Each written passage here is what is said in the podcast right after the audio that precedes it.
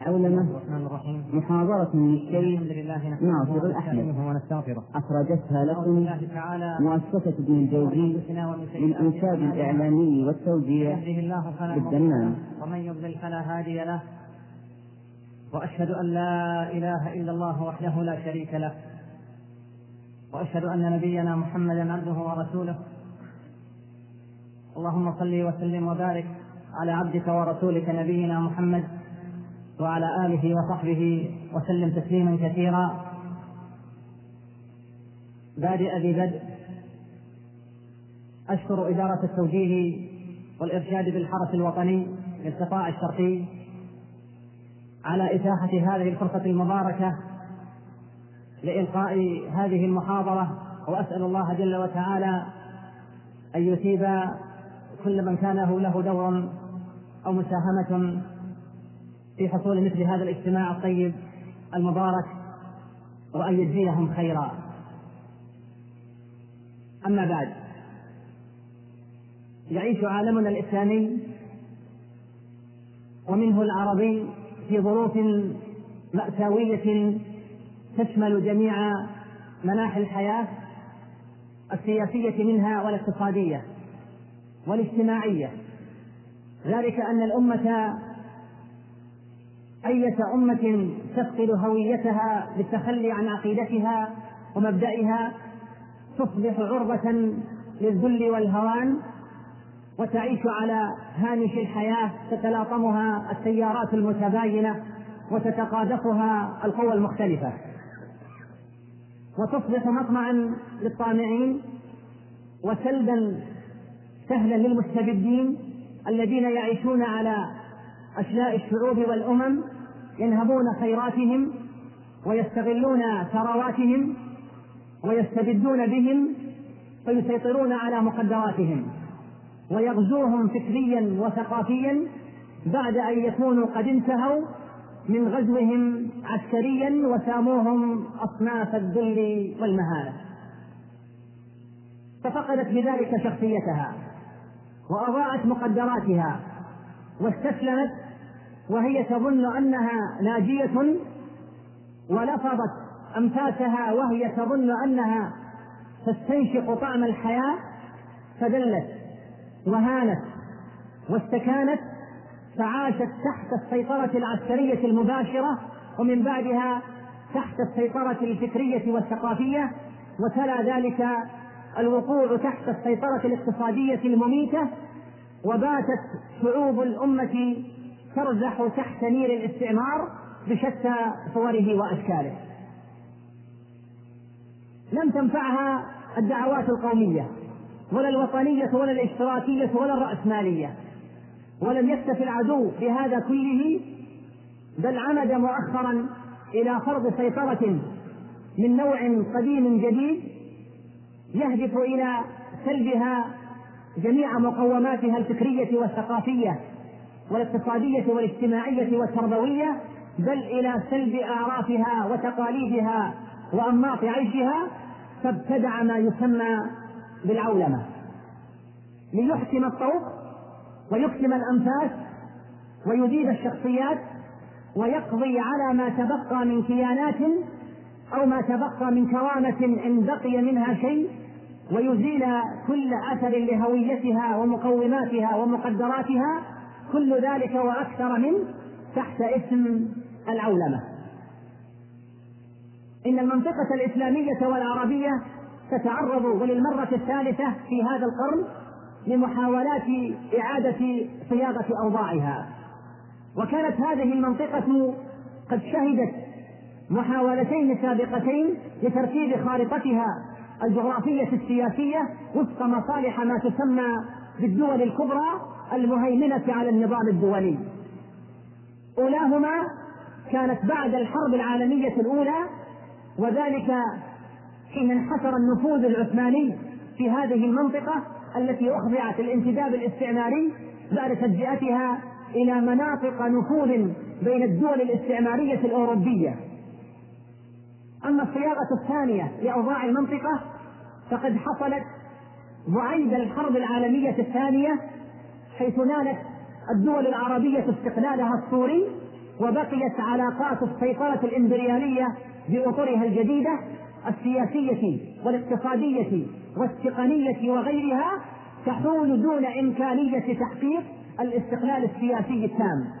فظلت هذه الدول أسيرة علاقات الهيمنة والتابعية للدول الاستعمارية الكبرى أما هذه المرة وهي الثالثة فإنه بعد انتهاء الحرب الباردة وهيمنة دولة عاد على النظام العالمي الراهن فإن المنطقة تمر بصياغة جديدة لأوضاعها تستهدف تعميق تجزئتها على أسس جديدة تتلائم مع المصالح والمعطيات الناشئة على صعيد العلاقات الدولية وتتناسب مع هذا النوع من الغزو الجديد باسم العولمة وفي هذه المرة يجري تجاوز إرادة أهل المنطقة وتجاهل التطورات الاجتماعية والسياسية والاقتصادية فيها لفرض الإملاءات التي تتلائم مع مصالح القوى الكبرى.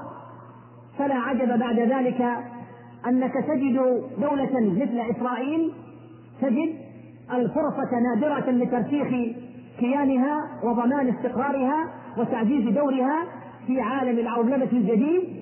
ولله الأمر من قبل ومن بعد.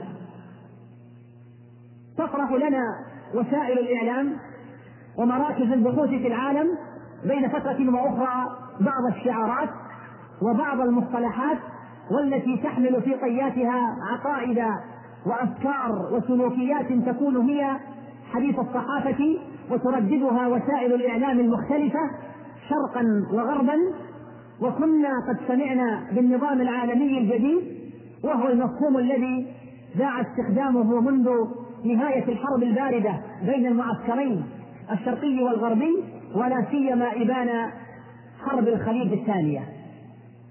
أما المصطلح الذي يغزو العالم كله اليوم والذي هو حديث رجال الفكر وصناع القرار وأصحاب الأقلام فهو مصطلح العولمة. فما هي العولمة؟ وما هي حقيقتها؟ وماذا يهدف أصحابها من وراء رفع هذا الشعار؟ وما هي مجالات العولمة التي يريدون؟ وكيف نتعامل مع العولمة؟ وهل يمكن الاستفادة منها؟ وهل بالإمكان رفضها بالكلية؟ هذه بعض نقاط هذه المحاضرة ومعها نقاط أخرى مجموعها إحدى عشرة نقطة. سأبدأ مستعينا بالله جل وتعالى وحده. أولا ما هي العولمة؟ إن العولمة مصطلح جديد في القاموس السياسي والاقتصادي فهي كلمة حديثة منسوبة إلى العالم أي الكون وليس إلى العلم. ولهذا فهي توصف بأنها شيء أو نظام جديد يراد به توحيد العالم في إطار جديد واحد ومن هنا أطلق عليها البعض النظام العالمي الجديد ومع أن عبارة النظام العالمي الجديد توحي بل وتشير إلى النظام السياسي بشكل خاص إلا أن مصطلح العولمة يشمل السياسة والاقتصاد والثقافة والاجتماع والتربية والأعراف والتقاليد والدين وغير ذلك.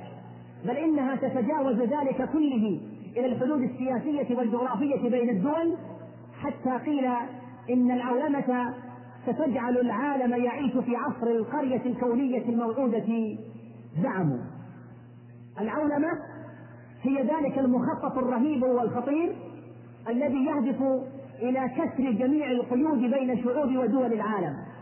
إنه مرادف لما دعت إليه من قبل الماسونية وما دعا وما زال يدعو إليه ما يسمى بالنظام العالمي الجديد من محاولة لطمس هوية كل أديان العالم وأفكار الشعوب ومعتقداتها لتصبح مواثيق الأمم المتحدة التي صاغها الغرب وفكر فيها وخاصة في المجالين الاقتصادي والاجتماعي هي الدين الجديد الذي يفرض على العالم كله. فهو مخطط خطير يحاول أن يزيل كل شيء موجود بين جميع الدول بحيث تصبح الأخلاق والسلوكيات والأفكار والبضائع والشركات والدين كلها سواء. ويفتح جميع هذه الأشياء على مصراعيها. وقد تقع في بعض الكتب أو المقالات أو حتى ربما تسمع مسميات أخرى لهذا الفكر فقد تقرأ أو تسمع مصطلح الكوكبة أو الكوننة أو الشومنة فكلها مترادفات لمعنى واحد. إن هناك جهودا جبارة ومحاولات كبيرة ممن يقبعون وراء هذا الشعار إلى عولمة كل شيء. الاقتصاد والاستثمار وعولمة الشركات والمعاملات التجارية وعولمة الأفكار والثقافات وعولمة المعلومات والاتصالات وعولمة المشاكل البيئية والمناخية وعولمة الأمراض والأوبئة المقاومة للصناعة وعولمة الأزمات الاقتصادية والاجتماعية وعولمة الإرهاب والصراعات السياسية وأخطر من ذلك كله محاولة عولمة الدين.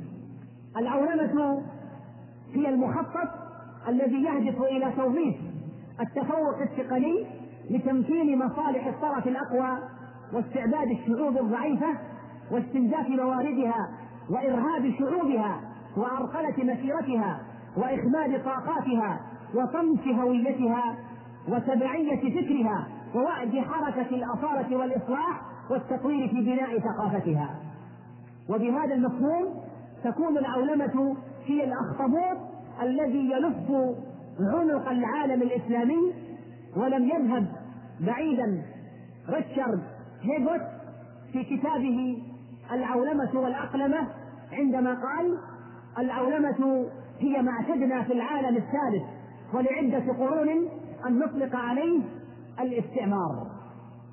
إنه غزو واستعمار غربي تقني ثقافي اقتصادي وسياسي أشد ضراوة وشراسة من أي لون من ألوان الاستعمار الغربي إنها دعوة لنفي الحضارات الأخرى غير الغربية وإن شئت فقل غير الأمريكية. إن العولمة اليوم هي الليبرالية وهي الديمقراطية بالمفهوم الغربي وهي الشركات المتعددة الجنسيات وهي السوق المالية المتوحدة المفتوحة وهي التجارة الحرة ورأس المال الطليق الذي لا تحده دين ولا شرع وهي شبكات الاتصالات المتقدمة وهي تدفق المعلومات وتبادلها وهي السهم الذي يخترق السياسة ويخترق الهياكل الاقتصادية ويخترق المقومات الثقافية ويخترق أنماط التفكير ويخترق السلوكيات الخاصة ليدخل بعد ذلك بكل هدوء على المجتمعات ويفرض ما سبق ذكره كله. إن الهدف المعلن من العولمة هو إزالة الحواجز وتذويب الفروق بين المجتمعات الإنسانية المختلفة لسيادة آلية رأس المال التي تأبى أي قيود. وآلية المعلومات التي تأبى أي رقابة إنه يراد في ظل العولمة أن تذوب كل العقائد والآراء والأفكار ولا يبقى إلا الفكر الغربي المادي. وكما قال المنادون لهذه العولمة عندما قال قائلهم اخلطوا عقائد الأديان الخمس واجعلوها مزيجا واحدا لا تجدوا صراعا على وجه الأرض. هكذا هكذا يراد للمسلمين أصحاب العقيدة النقية المعصومة بالوحي الإلهي يراد لهم أن يذوبوا مع العقائد المحرفة والأفكار المنحرفة. إن العولمة لا تعني انتقال الزراعة والخدمات والنقد والمعلومات ولا تعني أن يكون هناك مجال للاختيار فيختار الناس ما ينفعهم ويترك ما يضرهم. وإنما العولمة في حقيقتها تعني أن نقبل الكمبيوتر مع الموضة والتقنية مع الثقافة والنظرية الفيزيائية والكيميائية مع الذوبان الاجتماعي والانصهار الأسري أن نقبل الغرب مادياته مع عاداته وأخلاقه ورذائله إن العولمة هي استمرار لتحركات الغرب لإخضاع الآخرين. هذه التحركات التي بدأت بغزوات الإسكندر المقدوني وغزوات الصليبيين مرورا بكل حرب خاضها الإسلام مع الشرك والجاهلية. إنها حرب استبدل فيها المدفع والطائرة والقنبلة بالكلمات والمصطلحات وبالوسائل الحديثة. فهذه الحرب تشن بالعبارة الحريرية الناعمة وترفع شعارات براقة مثل شعارات حقوق الإنسان وعبارات الأعراف الدولية. إذا فالعولمة التي يروجون لها تعني أن تتخلى كل أمة وخاصة أمة الإسلام عن شخصيتها وعقيدتها ومبادئها وأن تعلن اتباعها لهم والأخذ بأنماط سلوكهم من اقتصادية وتربوية وإعلامية بل وحتى تشريعية. ومن خالف الغرب في ظل هذه العولمة شنوا عليه النكير وحاربوه إما جزئيا أو كليا أو تدريجيا. والاتهام جاهز ومعلم إنهم يتهمون المخالف لهم والرافض لعولمتهم أنه مخالف للأعراف والقوانين الدولية. وأنه رجعي متخلف ولا يصلح أن يعيش في هذا العصر. يراد من العولمة أن يتحول العالم كله إلى صالون واحد مفتوح من كل الجهات. الجميع يشاهد الجميع والجميع يستمع إلى الجميع والجميع لن يستطيع أن يخفي شيئا عن الجميع.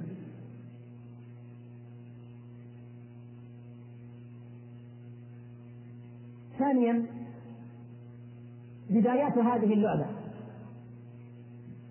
إن هذه اللعبة السياسية الجديدة طبخت على نار هادئة ما بين وثمانين وواحد وتسعين للميلاد. وكانت البداية حين أعلن الرئيس السوفيتي الأسبق ميخائيل غورباتشوف عن حلول ثورة البيروستوريكا وهي تعني إعادة البناء والتي كانت بمثابة الإعلان عن انهيار الاتحاد السوفيتي سياسيا واقتصاديا كيانا ونفوذا. وما تلا ذلك من أحداث مكن لدولة واحدة التربع على عرش النفوذ العالمي وتبوء مكان الصدارة في العالم فتمكنت هذه الدولة من بسط نفوذها السياسي والاقتصادي والعسكري والحضاري على العالم كله وتولي مركز القيادة الواحدة في إدارة شؤون العالم بكل مناحيها وأبعادها وقد كان لذلك كله بروز ما يسمى بالأحادية القطبية. ثالثا إن مخطط العولمة يسعى إلى تحقيق ثلاث عمليات. الأولى انتشار المعلومات. بحيث أن أية معلومة في أي مجال يمكن أن تكون متاحة لكل أحد. إننا نعيش في عصر المعلومات فكما قيل من يملك المعلومات الصحيحة يملك القرار.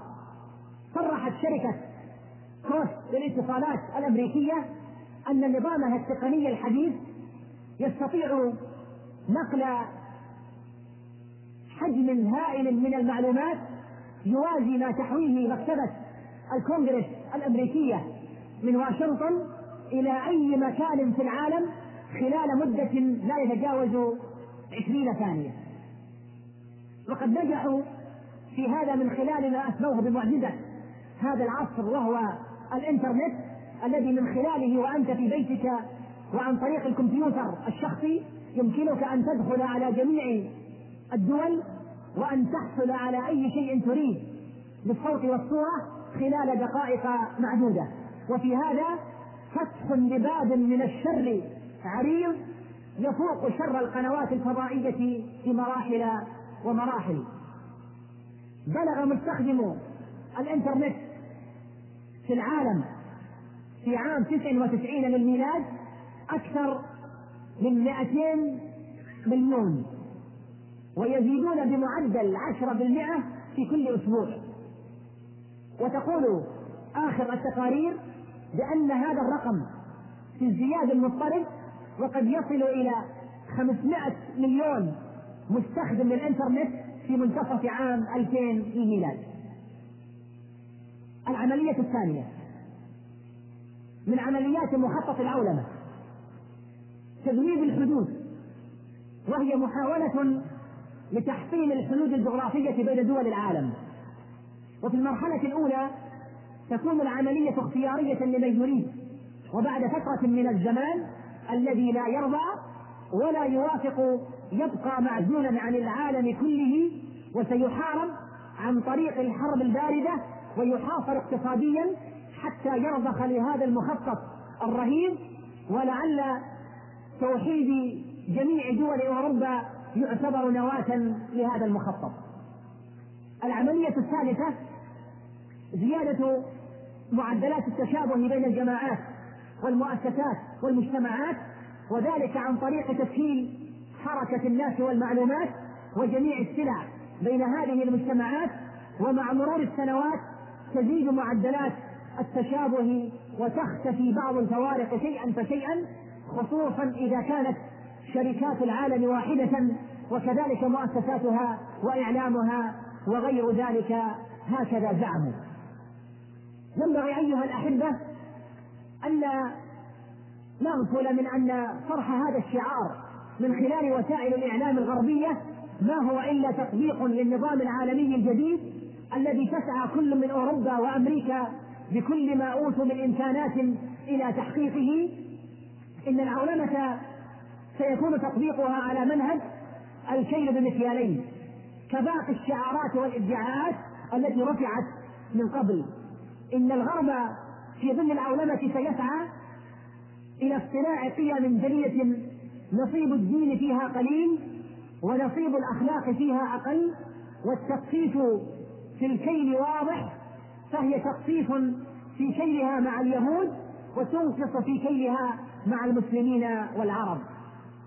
فلها مكيالان وميزانان كما أنها متعصبة للجنس الأبيض فلا ينبغي التصديق بان العالم سيسعد في ظل العولمة ابدا بل سيزداد الفقير فقرا وسيبقى المستورد مستهلكا لا يعطى فرصة للإبداع بل ستتاح الفرصة في عالم العولمة للغني أن يزداد ترفا وجبروتا وللقوي أن يزداد تسلطا وتحكما. إذا هي لغة المصلحة والمصلحة عند هؤلاء هي عقيدة سياسية. والنظرة المصلحية كانت واضحة جدا في تصريح كبيرهم عندما قال عندما تصبح التحالفات ضرورية فإن علينا أن نقيمها. وعندما تصبح المفاوضات ضرورية فإن علينا إجراءها. وعندما تصبح الاستثمارات مطلوبة فإن علينا تقديمها. وعندما تصبح القوة مطلوبة لضمان أمننا فإن علينا استعمالها. هذه هي لغة القوم وهذا هو أسلوب تعاملهم مع الآخرين فإلى متى ونحن نعيش تضحية في التفكير وجهلا لما يراد لنا وبنا كفانا جهلا بواقعنا وكفانا سذاجة في تناول الأمور وإن لم نكن أيها الأحبة بمستوى هذا التحدي العالمي ونحاول جادين للارتقاء بأنفسنا فإن العاقبة والعلم عند الله تعالى تكون غير سارة. الأمم من حولنا تخطط وتتعلم وتنفذ وكل يوم تسمع بإنشاء مركز للبحوث هنا أو هناك وفي كافة المجالات. ونحن ما يزال شبابنا من رواد المقاهي الشعبية ويضيع ليلهم جلوسا على الأرصفة والله المستعان. رابعا مجالات العولمة. إن مجالات العولمة كثيرة ولعلي في هذه العجالة أقتصر الحديث على أربع مجالات. المجال الأول العولمة الاقتصادية وهي من أبرز المجالات والتي يكثر الطرق عليها والتي بدأ بها وتكمن خطورتها أنها ومن خلالها تدخل العولمة للدول التي قد ترفض بقية المجالات. العولمة هي أساسا مفهوم اقتصادي قبل أن تكون مفهوما علميا أو سياسيا أو ثقافيا أو اجتماعيا. كما أن أكثر ما يتبادر إلى الذهن عند الحديث عن العولمة هو العولمة الاقتصادية. ويعود هذا الارتباط العميق والعضوي بين العولمة من ناحية والعولمة والاقتصاد من ناحية أخرى إلى أن المظاهر الاقتصادية للعولمة هي الأكثر وضوحا في هذه المرحلة من مراحل بروز وتطور العولمة كلحظة تاريخية جديدة. فكل المؤشرات الموضوعية تشير إلى أن العولمة الاقتصادية هي الأكثر اكتمالا وهي الأكثر تحققا على أرض الواقع من العولمة الثقافية أو السياسية. ويبدو العالم اليوم معولما اقتصاديا أكثر مما هو معولما ثقافيا أو سياسيا. ومن هنا جاء التلازم بين العولمة من جهة والعولمة الاقتصادية من جهة أخرى. ومن هنا أيضا هيمن الفهم الاقتصادي على ظاهرة العولمة التي هي حتما الآن ليست بالظاهرة الاقتصادية وليست مقتصرة على الاقتصاد فحسب. هناك أسس يدار عليها الاقتصاد العالمي ومؤسسات تشكل في مجملها النظام الاقتصادي الدولي الحالي مثل اولا صندوق النقد الدولي الذي يقوم بدور الحارس على النظام النقدي الدولي. ثانيا البنك الدولي الذي يعمل على تخفيض التدفقات المالية طويلة المدى. ثالثا الاتفاقات العامة للتعريفات والتجارة والتي تهدف إلى تمكين الدولة العليا من النفاذ إلى الأسواق كباقي الدول أعضاء الاتفاقية وذلك لتحقيق التوازن بين الحماية المناسبة للإنتاج وبين تدفق التجارة الخارجية. زعموا. إن حقيقة العولمة في المجال الاقتصادي ممكن ويمكن أن يلخص في نقاط أولا العمل على تغيير مفهوم الأسرة القائم على الأسس الدينية والقيم الاجتماعية الفطرية وتوسيع هذا المفهوم ليشمل أنماطا من الأشكال التي تم تبنيها في المجتمع الغربي بوجه عام. ثانيا توسيع النظام الربوي وتمكين المؤسسات المالية الربوية من السيطرة. ثالثا ربط اقتصاديات الدول المختلفة باقتصاديات الدول الرأسمالية. رابعا تحكم شركات محدودة ومعينة على زمام الاقتصاد يكون لها المقدرة على أن تلعب حتى بسياسات الدول بعد أن لعبت في اقتصادها كما سيتضح لك بعد قليل وستدخل هذه الشركات أغلب المجتمعات وستدخل معها كل سلبياتها خصوصا الأخلاقية وانحرافاتها السلوكية. والمجتمع الذي يرفض ذلك فيستخدم معه ما يسمى بالعقوبات الاقتصادية التي قد تصل إلى الحصار الاقتصادي الجزئي أو الشامل وما يصاحبها من إجراءات سياسية ودبلوماسية بل وحتى رياضية حتى تضغط الجماهير اللاهية المشجعة للكرة على حكوماتها مطالبة بالعولمة الاقتصادية. تعززها حملة إعلامية منظمة لحشد الرأي العالمي العام لتأييد هذه العقوبات والإجراءات التي تؤدي النتيجة المطلوبة من هذه الآلية البديلة عن أسلوب الحرب المعلنة. وهذه النتيجة يمكن التحكم فيها حسب نوع العقوبات وقوتها فتثمر إزعاج المجتمع ومضايقته أو تعويقه أو شله أو تدميره تدميرا شاملا أو جزئيا إلى أن يخضع وتتم السيطرة عليه.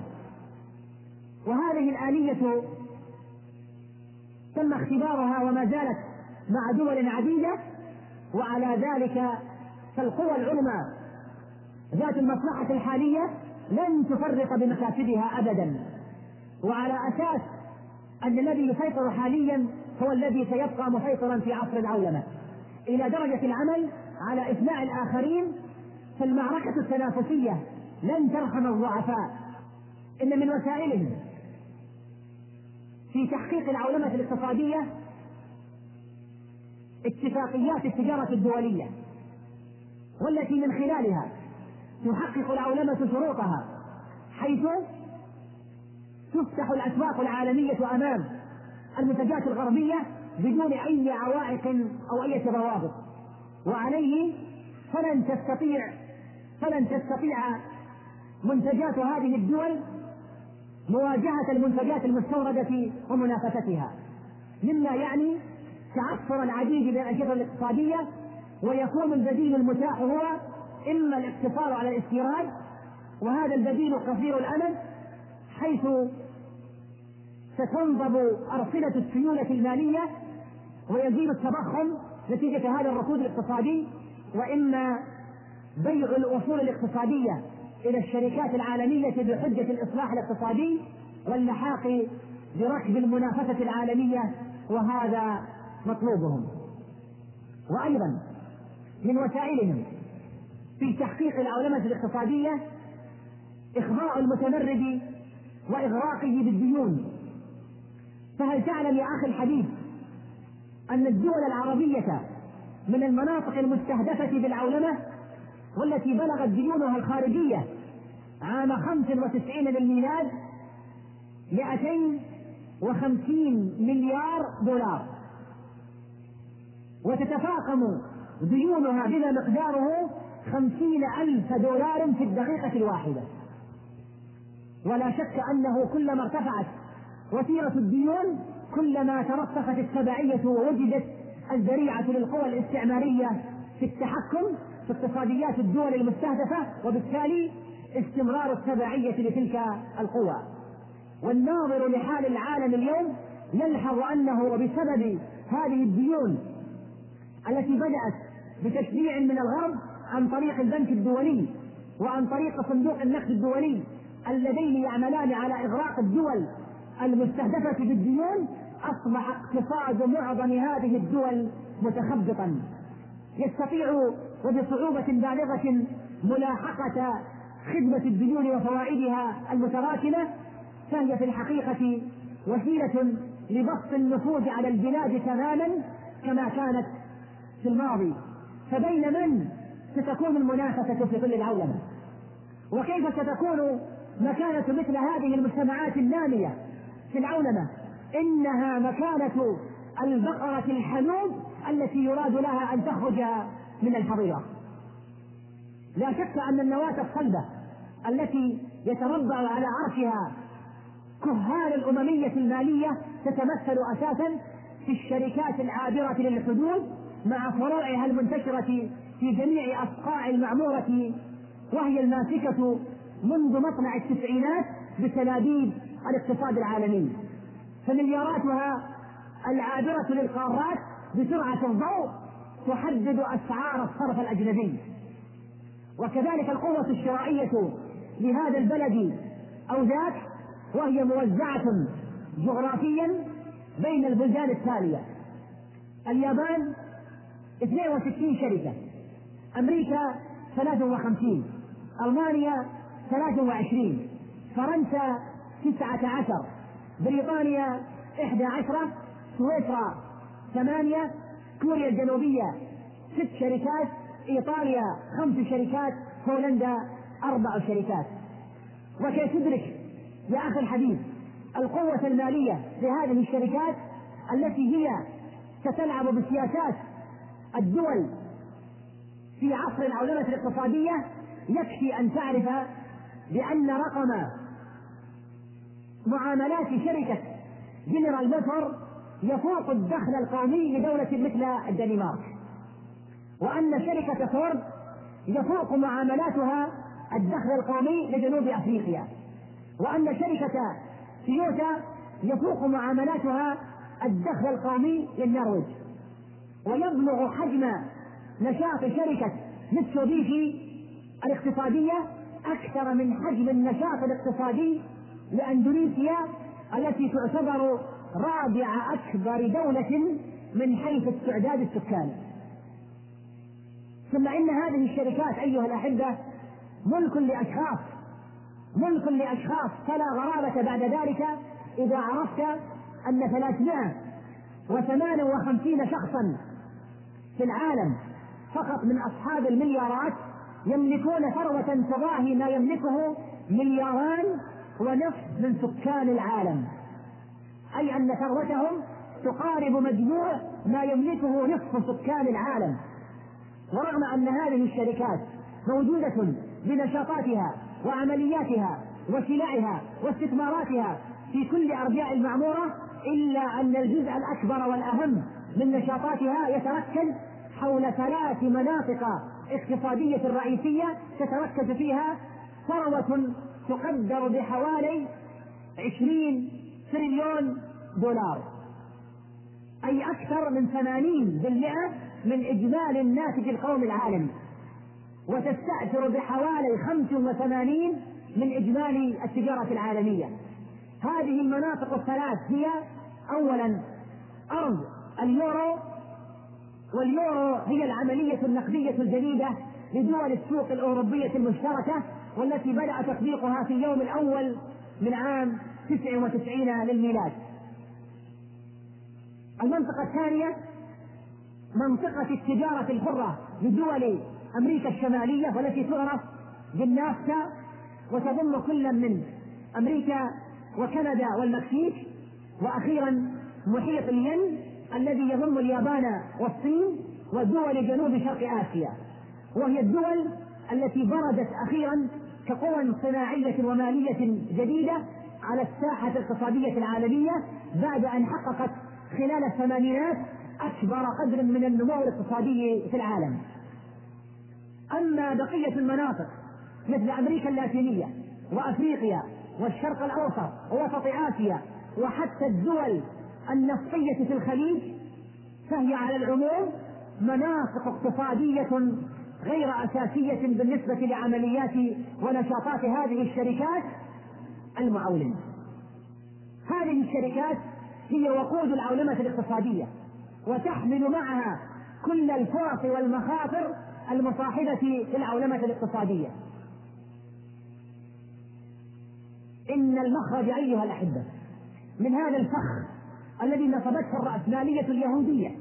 هو قدرة العالم الإسلامي في اتخاذ قراره السياسي المستقل وهذا لا يمكن أن يتحقق إلا إذا طرح الفكر العلماني بكل مناهجه وتوجهاته وأخذ العقيدة الإسلامية بكل ما يحتويه من سلوكيات وقيم ونظم وتشريعات لتحقيق سعادة الإنسان الدينية والأخروية.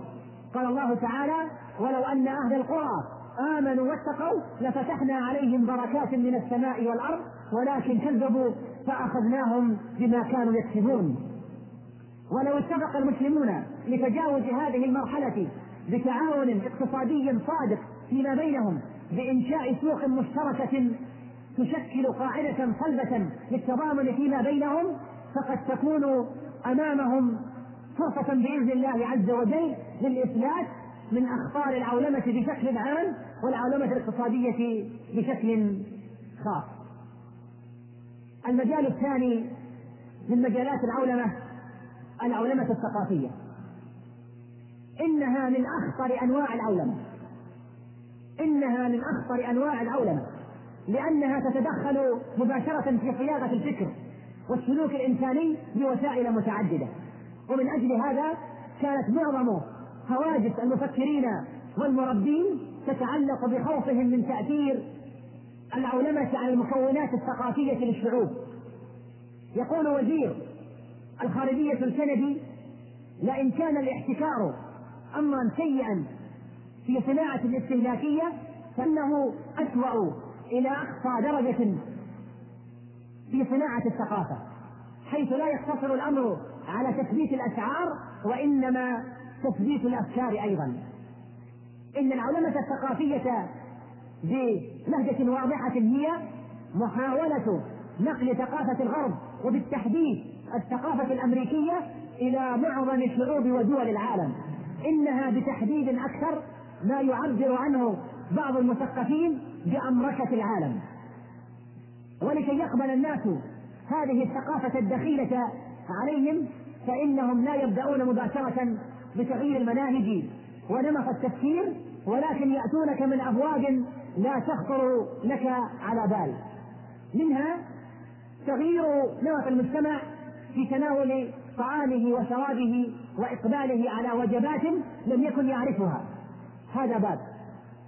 ثم باب آخر وهو طريقة تأسيسه لمنزله. وباب ثالث طريقة خروجه ونزهته مع أولاده. وباب رابع وخامس وسادس وعاشر وبعد سنوات تجدك أنك أخذت ثقافة تلك المجتمعات وأنت لا تشعر. فإذا ما جاءت المناهج وجاءت الأفكار كان المجتمع مهيئا لقبول كل شيء. لعلك تريد مثالا واقعيا تشاهده بنفسك. هل تظن يا أخي الحبيب أنه من قبيل الصدفة وفي خلال أقل من عشر سنوات أن يغزو العالم كله وليس فقط مجتمعاتنا مطاعم الوجبات السريعة وبالأخص الشركات الأمريكية كماكدونالدز وأخواتها وإقبال الناس عليها بشكل عجيب وطرح كل البدائل الأخرى إنها حقيقة تعاني منها حتى أوروبا نفسها. الجناح الثاني للغرب ولعل من أوضح الأمثلة على هذا أن فرنسا من أكثر الدول الأوروبية مناهضة للعولمة الأمريكية بهذا الشكل. فاتخذت فرنسا لمقاومة هذا التيار عددا من التدابير. أولها أن الرئيس الفرنسي شيراك أصدر قرارا عارض فيه بشدة فتح مطعم ماكدونالدز في برج إيفل الذي يعتبره تراثا يخص الفرنسيين وحدهم. ولا يصلح أن تغزوه الثقافة الأمريكية مع أن شوارع باريس مليئة بمطاعم الشركات الأمريكية. ثم فرضت على التلفزيون الفرنسي أن يخصص 60% من برامجه للإنتاج الأوروبي كي لا يطغى الإنتاج الأمريكي المتدفق على إعلانه. كما حجبت المساعدات المالية والمادية عن جميع التظاهرات الثقافية الفرنسية التي لا تجعل اللغة الفرنسية لغة آمالها. وأخيرا ألحت فرنسا على ألا ينتخب على رأس الأمانة العامة لهيئة الأمم المتحدة بعد نهاية ولاية بطرس غالي من لا يتقن الفرنسية. وقد تم لها ما تريد في شخص كوفي عنان. إن معظم من يعارضون العولمة الثقافية يرون أنها تتعارض مع الهوية القومية وتسعى للقضاء على التنوع الثقافي وإحلال الثقافة الغربية أو بلغة أصرح الثقافة الأمريكية بشكل خاص محل كل الثقافات الموجودة. إن هؤلاء إن هؤلاء أيها الأحبة وهم كلهم نصارى ودينهم واحد ومع هذا لا يرضون بالتبعية. لا يرضون بالتبعية الثقافية لغير جنسهم والمتأمل في حال أمة الإسلام في الوقت الراهن يرى العجب العجاب. إن هناك جهودا محمومة لتهيئة الرأي العام نفسيا وثقافيا للعولمة عجب العجاب.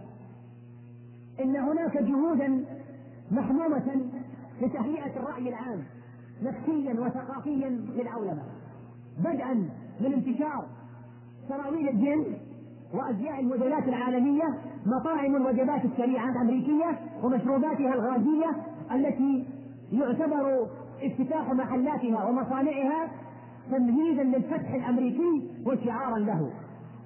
إن العولمه الثقافية بوضوح شديد هي تعميم أو توحيد لاتجاهات وسلوكيات تشمل كل سكان هذا الكوكب ويذكر تقرير البرنامج الإنمائي في الأمم المتحدة أنه من مانيلا إلى مانجوا ومن بيروت إلى بكين وفي الشرق وفي الغرب وفي الشمال وفي الجنوب أصبحت أشكال الزي الجن وتصفيفات الشعر الخاصة والعادات المتعلقة بتناول الطعام والمواقف الاجتماعية والثقافية أصبحت كلها تشكل اتجاهات عالمية. وحتى الجرائم وحتى الجرائم سواء كانت تتصل بالمخدرات أو الاختلاس أو الفساد أصبحت متشابهة في كل مكان. لقد انكمش العالم في أوجه عديدة. إن ما يسمى بدول العالم الثالث وبالمناسبة ليس هناك رابع. هذه الدول في نظر الغرب مجرد حشم دولي. يمكن أن يستفاد منه فقط ولكنه غير مؤهل لدخول لعبة العولمة. أي أنه ليس بلاعب ولكنه ملعوب به أو عليه. لماذا يراد لنا نحن المسلمون أن نقبل بعضوية نادي العولمة؟ لماذا يراد لنا نحن المسلمون أن نقبل بعضوية نادي العولمة دون أن نسأل عن شروط هذه العضوية ودون أن نسأل عن رسوم الاشتراك وطقوس النزع التي تنتظرنا ودرجة حرارة النار التي سوف يطبخ عليها العشاء الأخير الذي سيزيل من أجسادنا آخر ذرات المقاومة ليجهز في النهاية على أنفاسنا. إن هذه الأمة إن هذه الأمة بشهادة خبراء العولمة أنفسهم كانت حتى هذه اللحظة ولا تزال أصعب الأمم على القولبة وأشدها مراسا في مواجهة النموذج الاستعماري المتغطرس لماذا؟ لأن العقلاء من هذه الأمة والناصحين والمخلصين فيها يعلمون أن العولمة لا تعني انتقال البضائع والخدمات والنقد والتقنية والمعلومات والشركات والسلوك والثقافة منفردة الواحدة تلو الأخرى كلا إنها تعني أن يقدم هذا الطعم ضمن سياق فكري لا نحتاج إلى ذكاء شديد أو حتى بلاءة أشد لنعرف حقيقته. وإذا كان من حق فرنسا أن تقاتل وأن تحارب وأن ترفع صوتها وأن تتصدى بالقوانين والممارسة لهذا النموذج فلا أظن أن اللاعقين بالجراح داحش والغبراء المعاصرة إلا أن يفتحوا عيونهم قليلا وعقولهم كثيرا لهذه الهجمة المتواصلة منذ انحسار الإسلام كقوة عالمية ودولية مؤثرة. إن العولمة الثقافية برأي الخبراء والمفكرين تروج لثقافة الهمبرجر والكاكاكولا والغناء على الطريقة نفسها وهي طلائع العولمة التي لا تبشر إلا بمزيد من الشقاء والسعادة للبشرية. إن أملنا أيها الأحبة بالله جل وتعالى لكبير أن يحفظ علينا إيماننا وأن يحفظ علينا ديننا وأن يحفظنا من هذا الغزو المدبر الذي يحمل في طياته كل شر ودمار. ولكن لا بد مع الدعاء من عمل. ولكن لا بد مع الدعاء من عمل. ومقاومة لهذا التيار وأول طرق المقاومة هو كشف هذا المخطط وفض هذه المؤامرة ثم المناعة الشخصية والأسرية حتى نصل بعد ذلك لحصانة المجتمع والدولة. وإن ثقتنا بربنا وديننا لكبيرة من أن تهزم ثقافة الميكي ماوس الإيمان الحقيقي الفعال إيمان الغلام حين يستدعى للموت فيطلب الشهادة شريفة أن ينادى بسمع الكون وبصوت عال بسم الله رب الغلام والله غالب على أمره ولكن أكثر الناس لا يعلمون.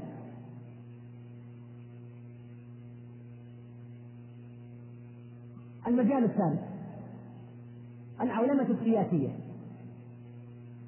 إن الذين يخضعون وراء تطبيق العولمة في العالم بذلوا أشياء وأشياء لتحقيق شيء من العولمة السياسية. فمن ذلك السعي الحثيث إلى فرض النموذج الغربي في الحكم الذي يتمثل في الديمقراطية وتحاول أن تعتبر تطبيق الديمقراطية شرطا في التعامل مع الدول الأخرى. واعتبر الغرب إن عدم تطبيق الديمقراطية يعني الاستبداد وانتهاك حقوق الإنسان وضياع حقوق الأقليات وغير ذلك. لذا تجد أن كل من يريد أن يرضي الغرب فإنه ينادي بتطبيق هذا النظام.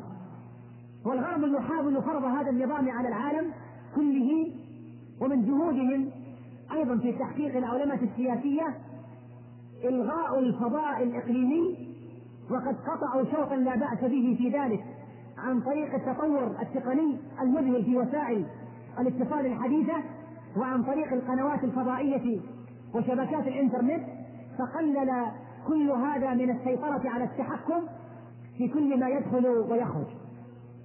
وأيضا من وسائلهم في تحقيق العولمة السياسية تقليص تحكم الدول على الكتلة المالية داخل حدودها.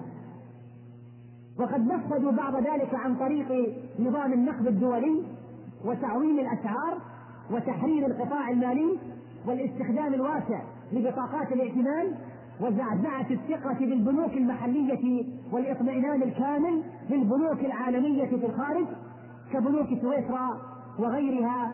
قال الله تعالى وأحل الله البيع وحرم الربا. المجال الرابع العولمة الاجتماعية. تتحدد معالم هذه العولمة ومظاهرها من خلال مؤتمرات دولية.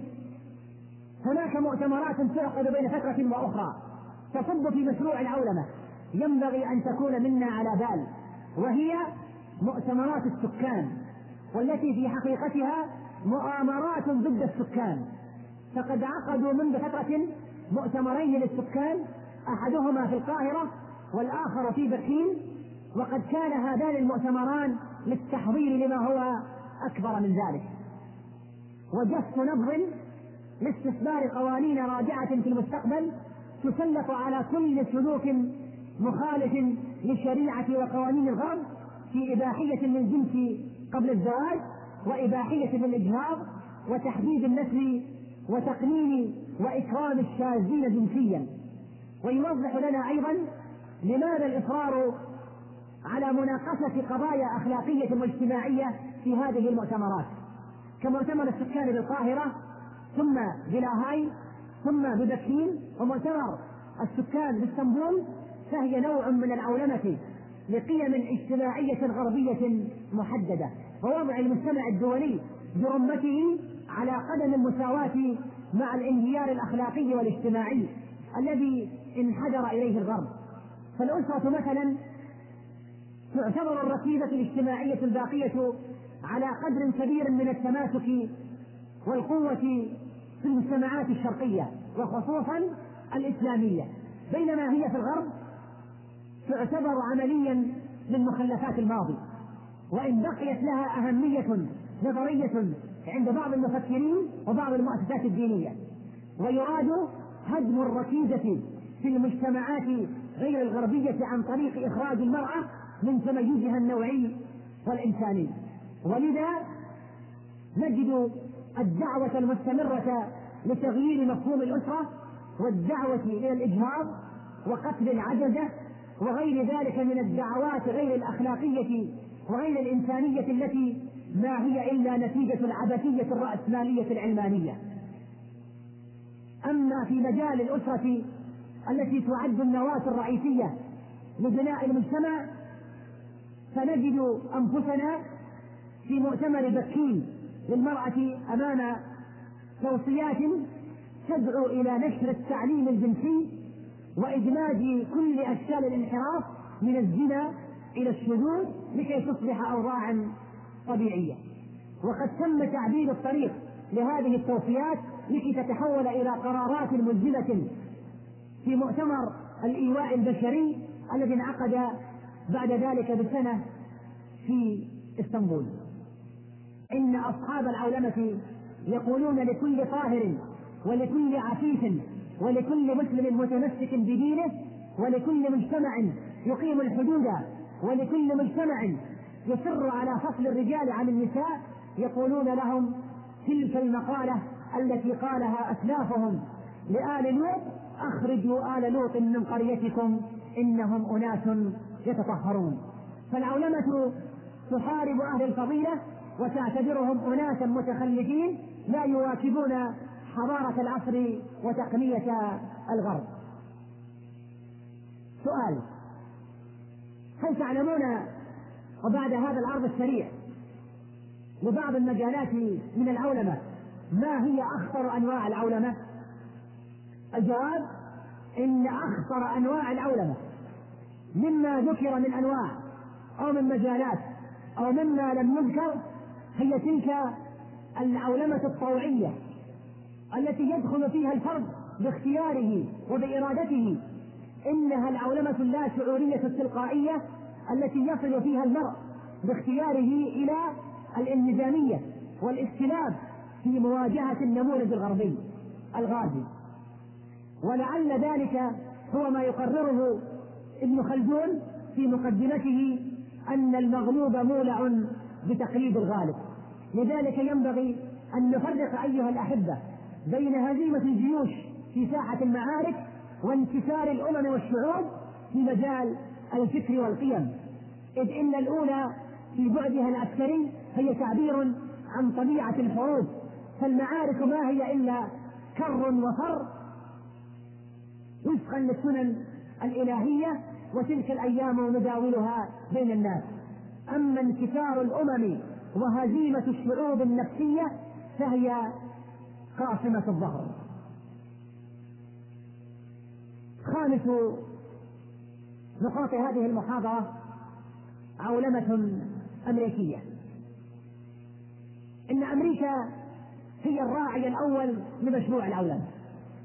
فالعولمة ما هي إلا تكريس للهيمنة الأمريكية وتعميق لسلطاتها المطلقة في السياسة والاقتصاد وغيرها.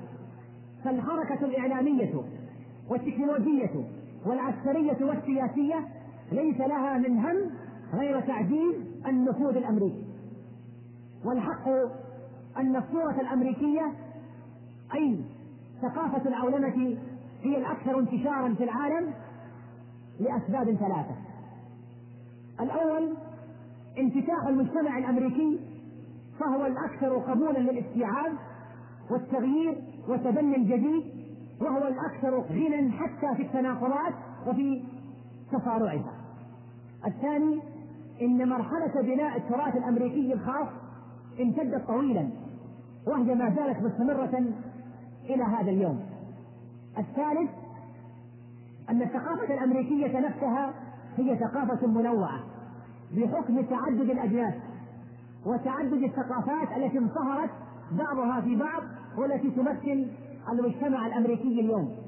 وهذا مما يساعد على انتشار الثقافة الأمريكية في خارجها. فشعوب كثيرة قد تجد بشكل أو بآخر نفسها فيها فتكون الأقرب إلى ذوقها والأنفق بوجدانها. ونتيجة لكل ذلك فقد بلغت الصورة الأمريكية انتشارا في العالم لم يبلغه غيرها.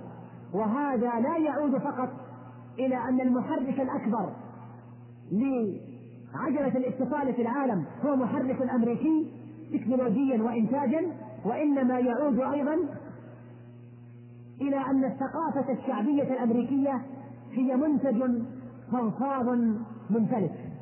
إن أمريكا حسب تقرير لبرنامج الأمم المتحدة الإنمائي بأن أمريكا تصدر سنويا إلى أوروبا مليونا ومائتي ألف ساعة من البرامج التلفزيونية.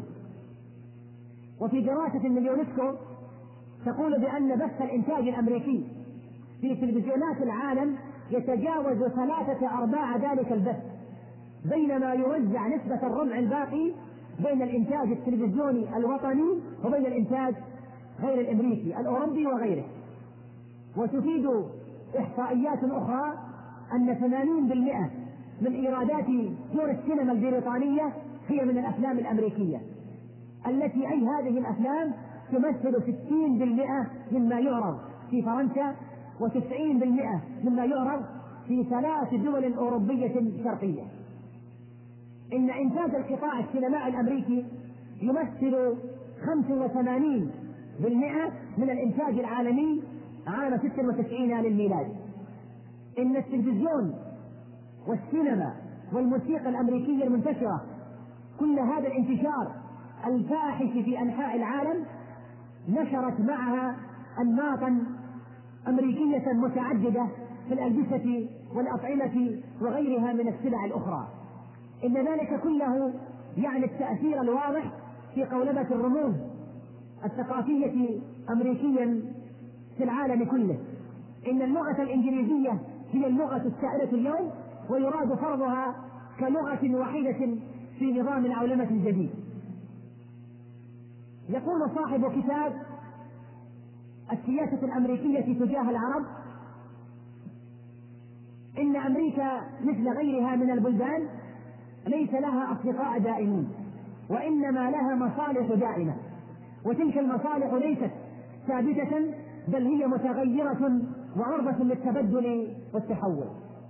ولا يعني هذا أن أمريكا قد بسطت نفوذها العولمي على العالم كله فإن هناك عددا من الدول رفضت العولمة الأمريكية باعتبار أن لها خصوصياتها الأيديولوجية والفكرية والثقافية وما يميزها. فمنها ما هو قائم على العدالة الضريبية شبه الكلية كما هو الحال في هولندا.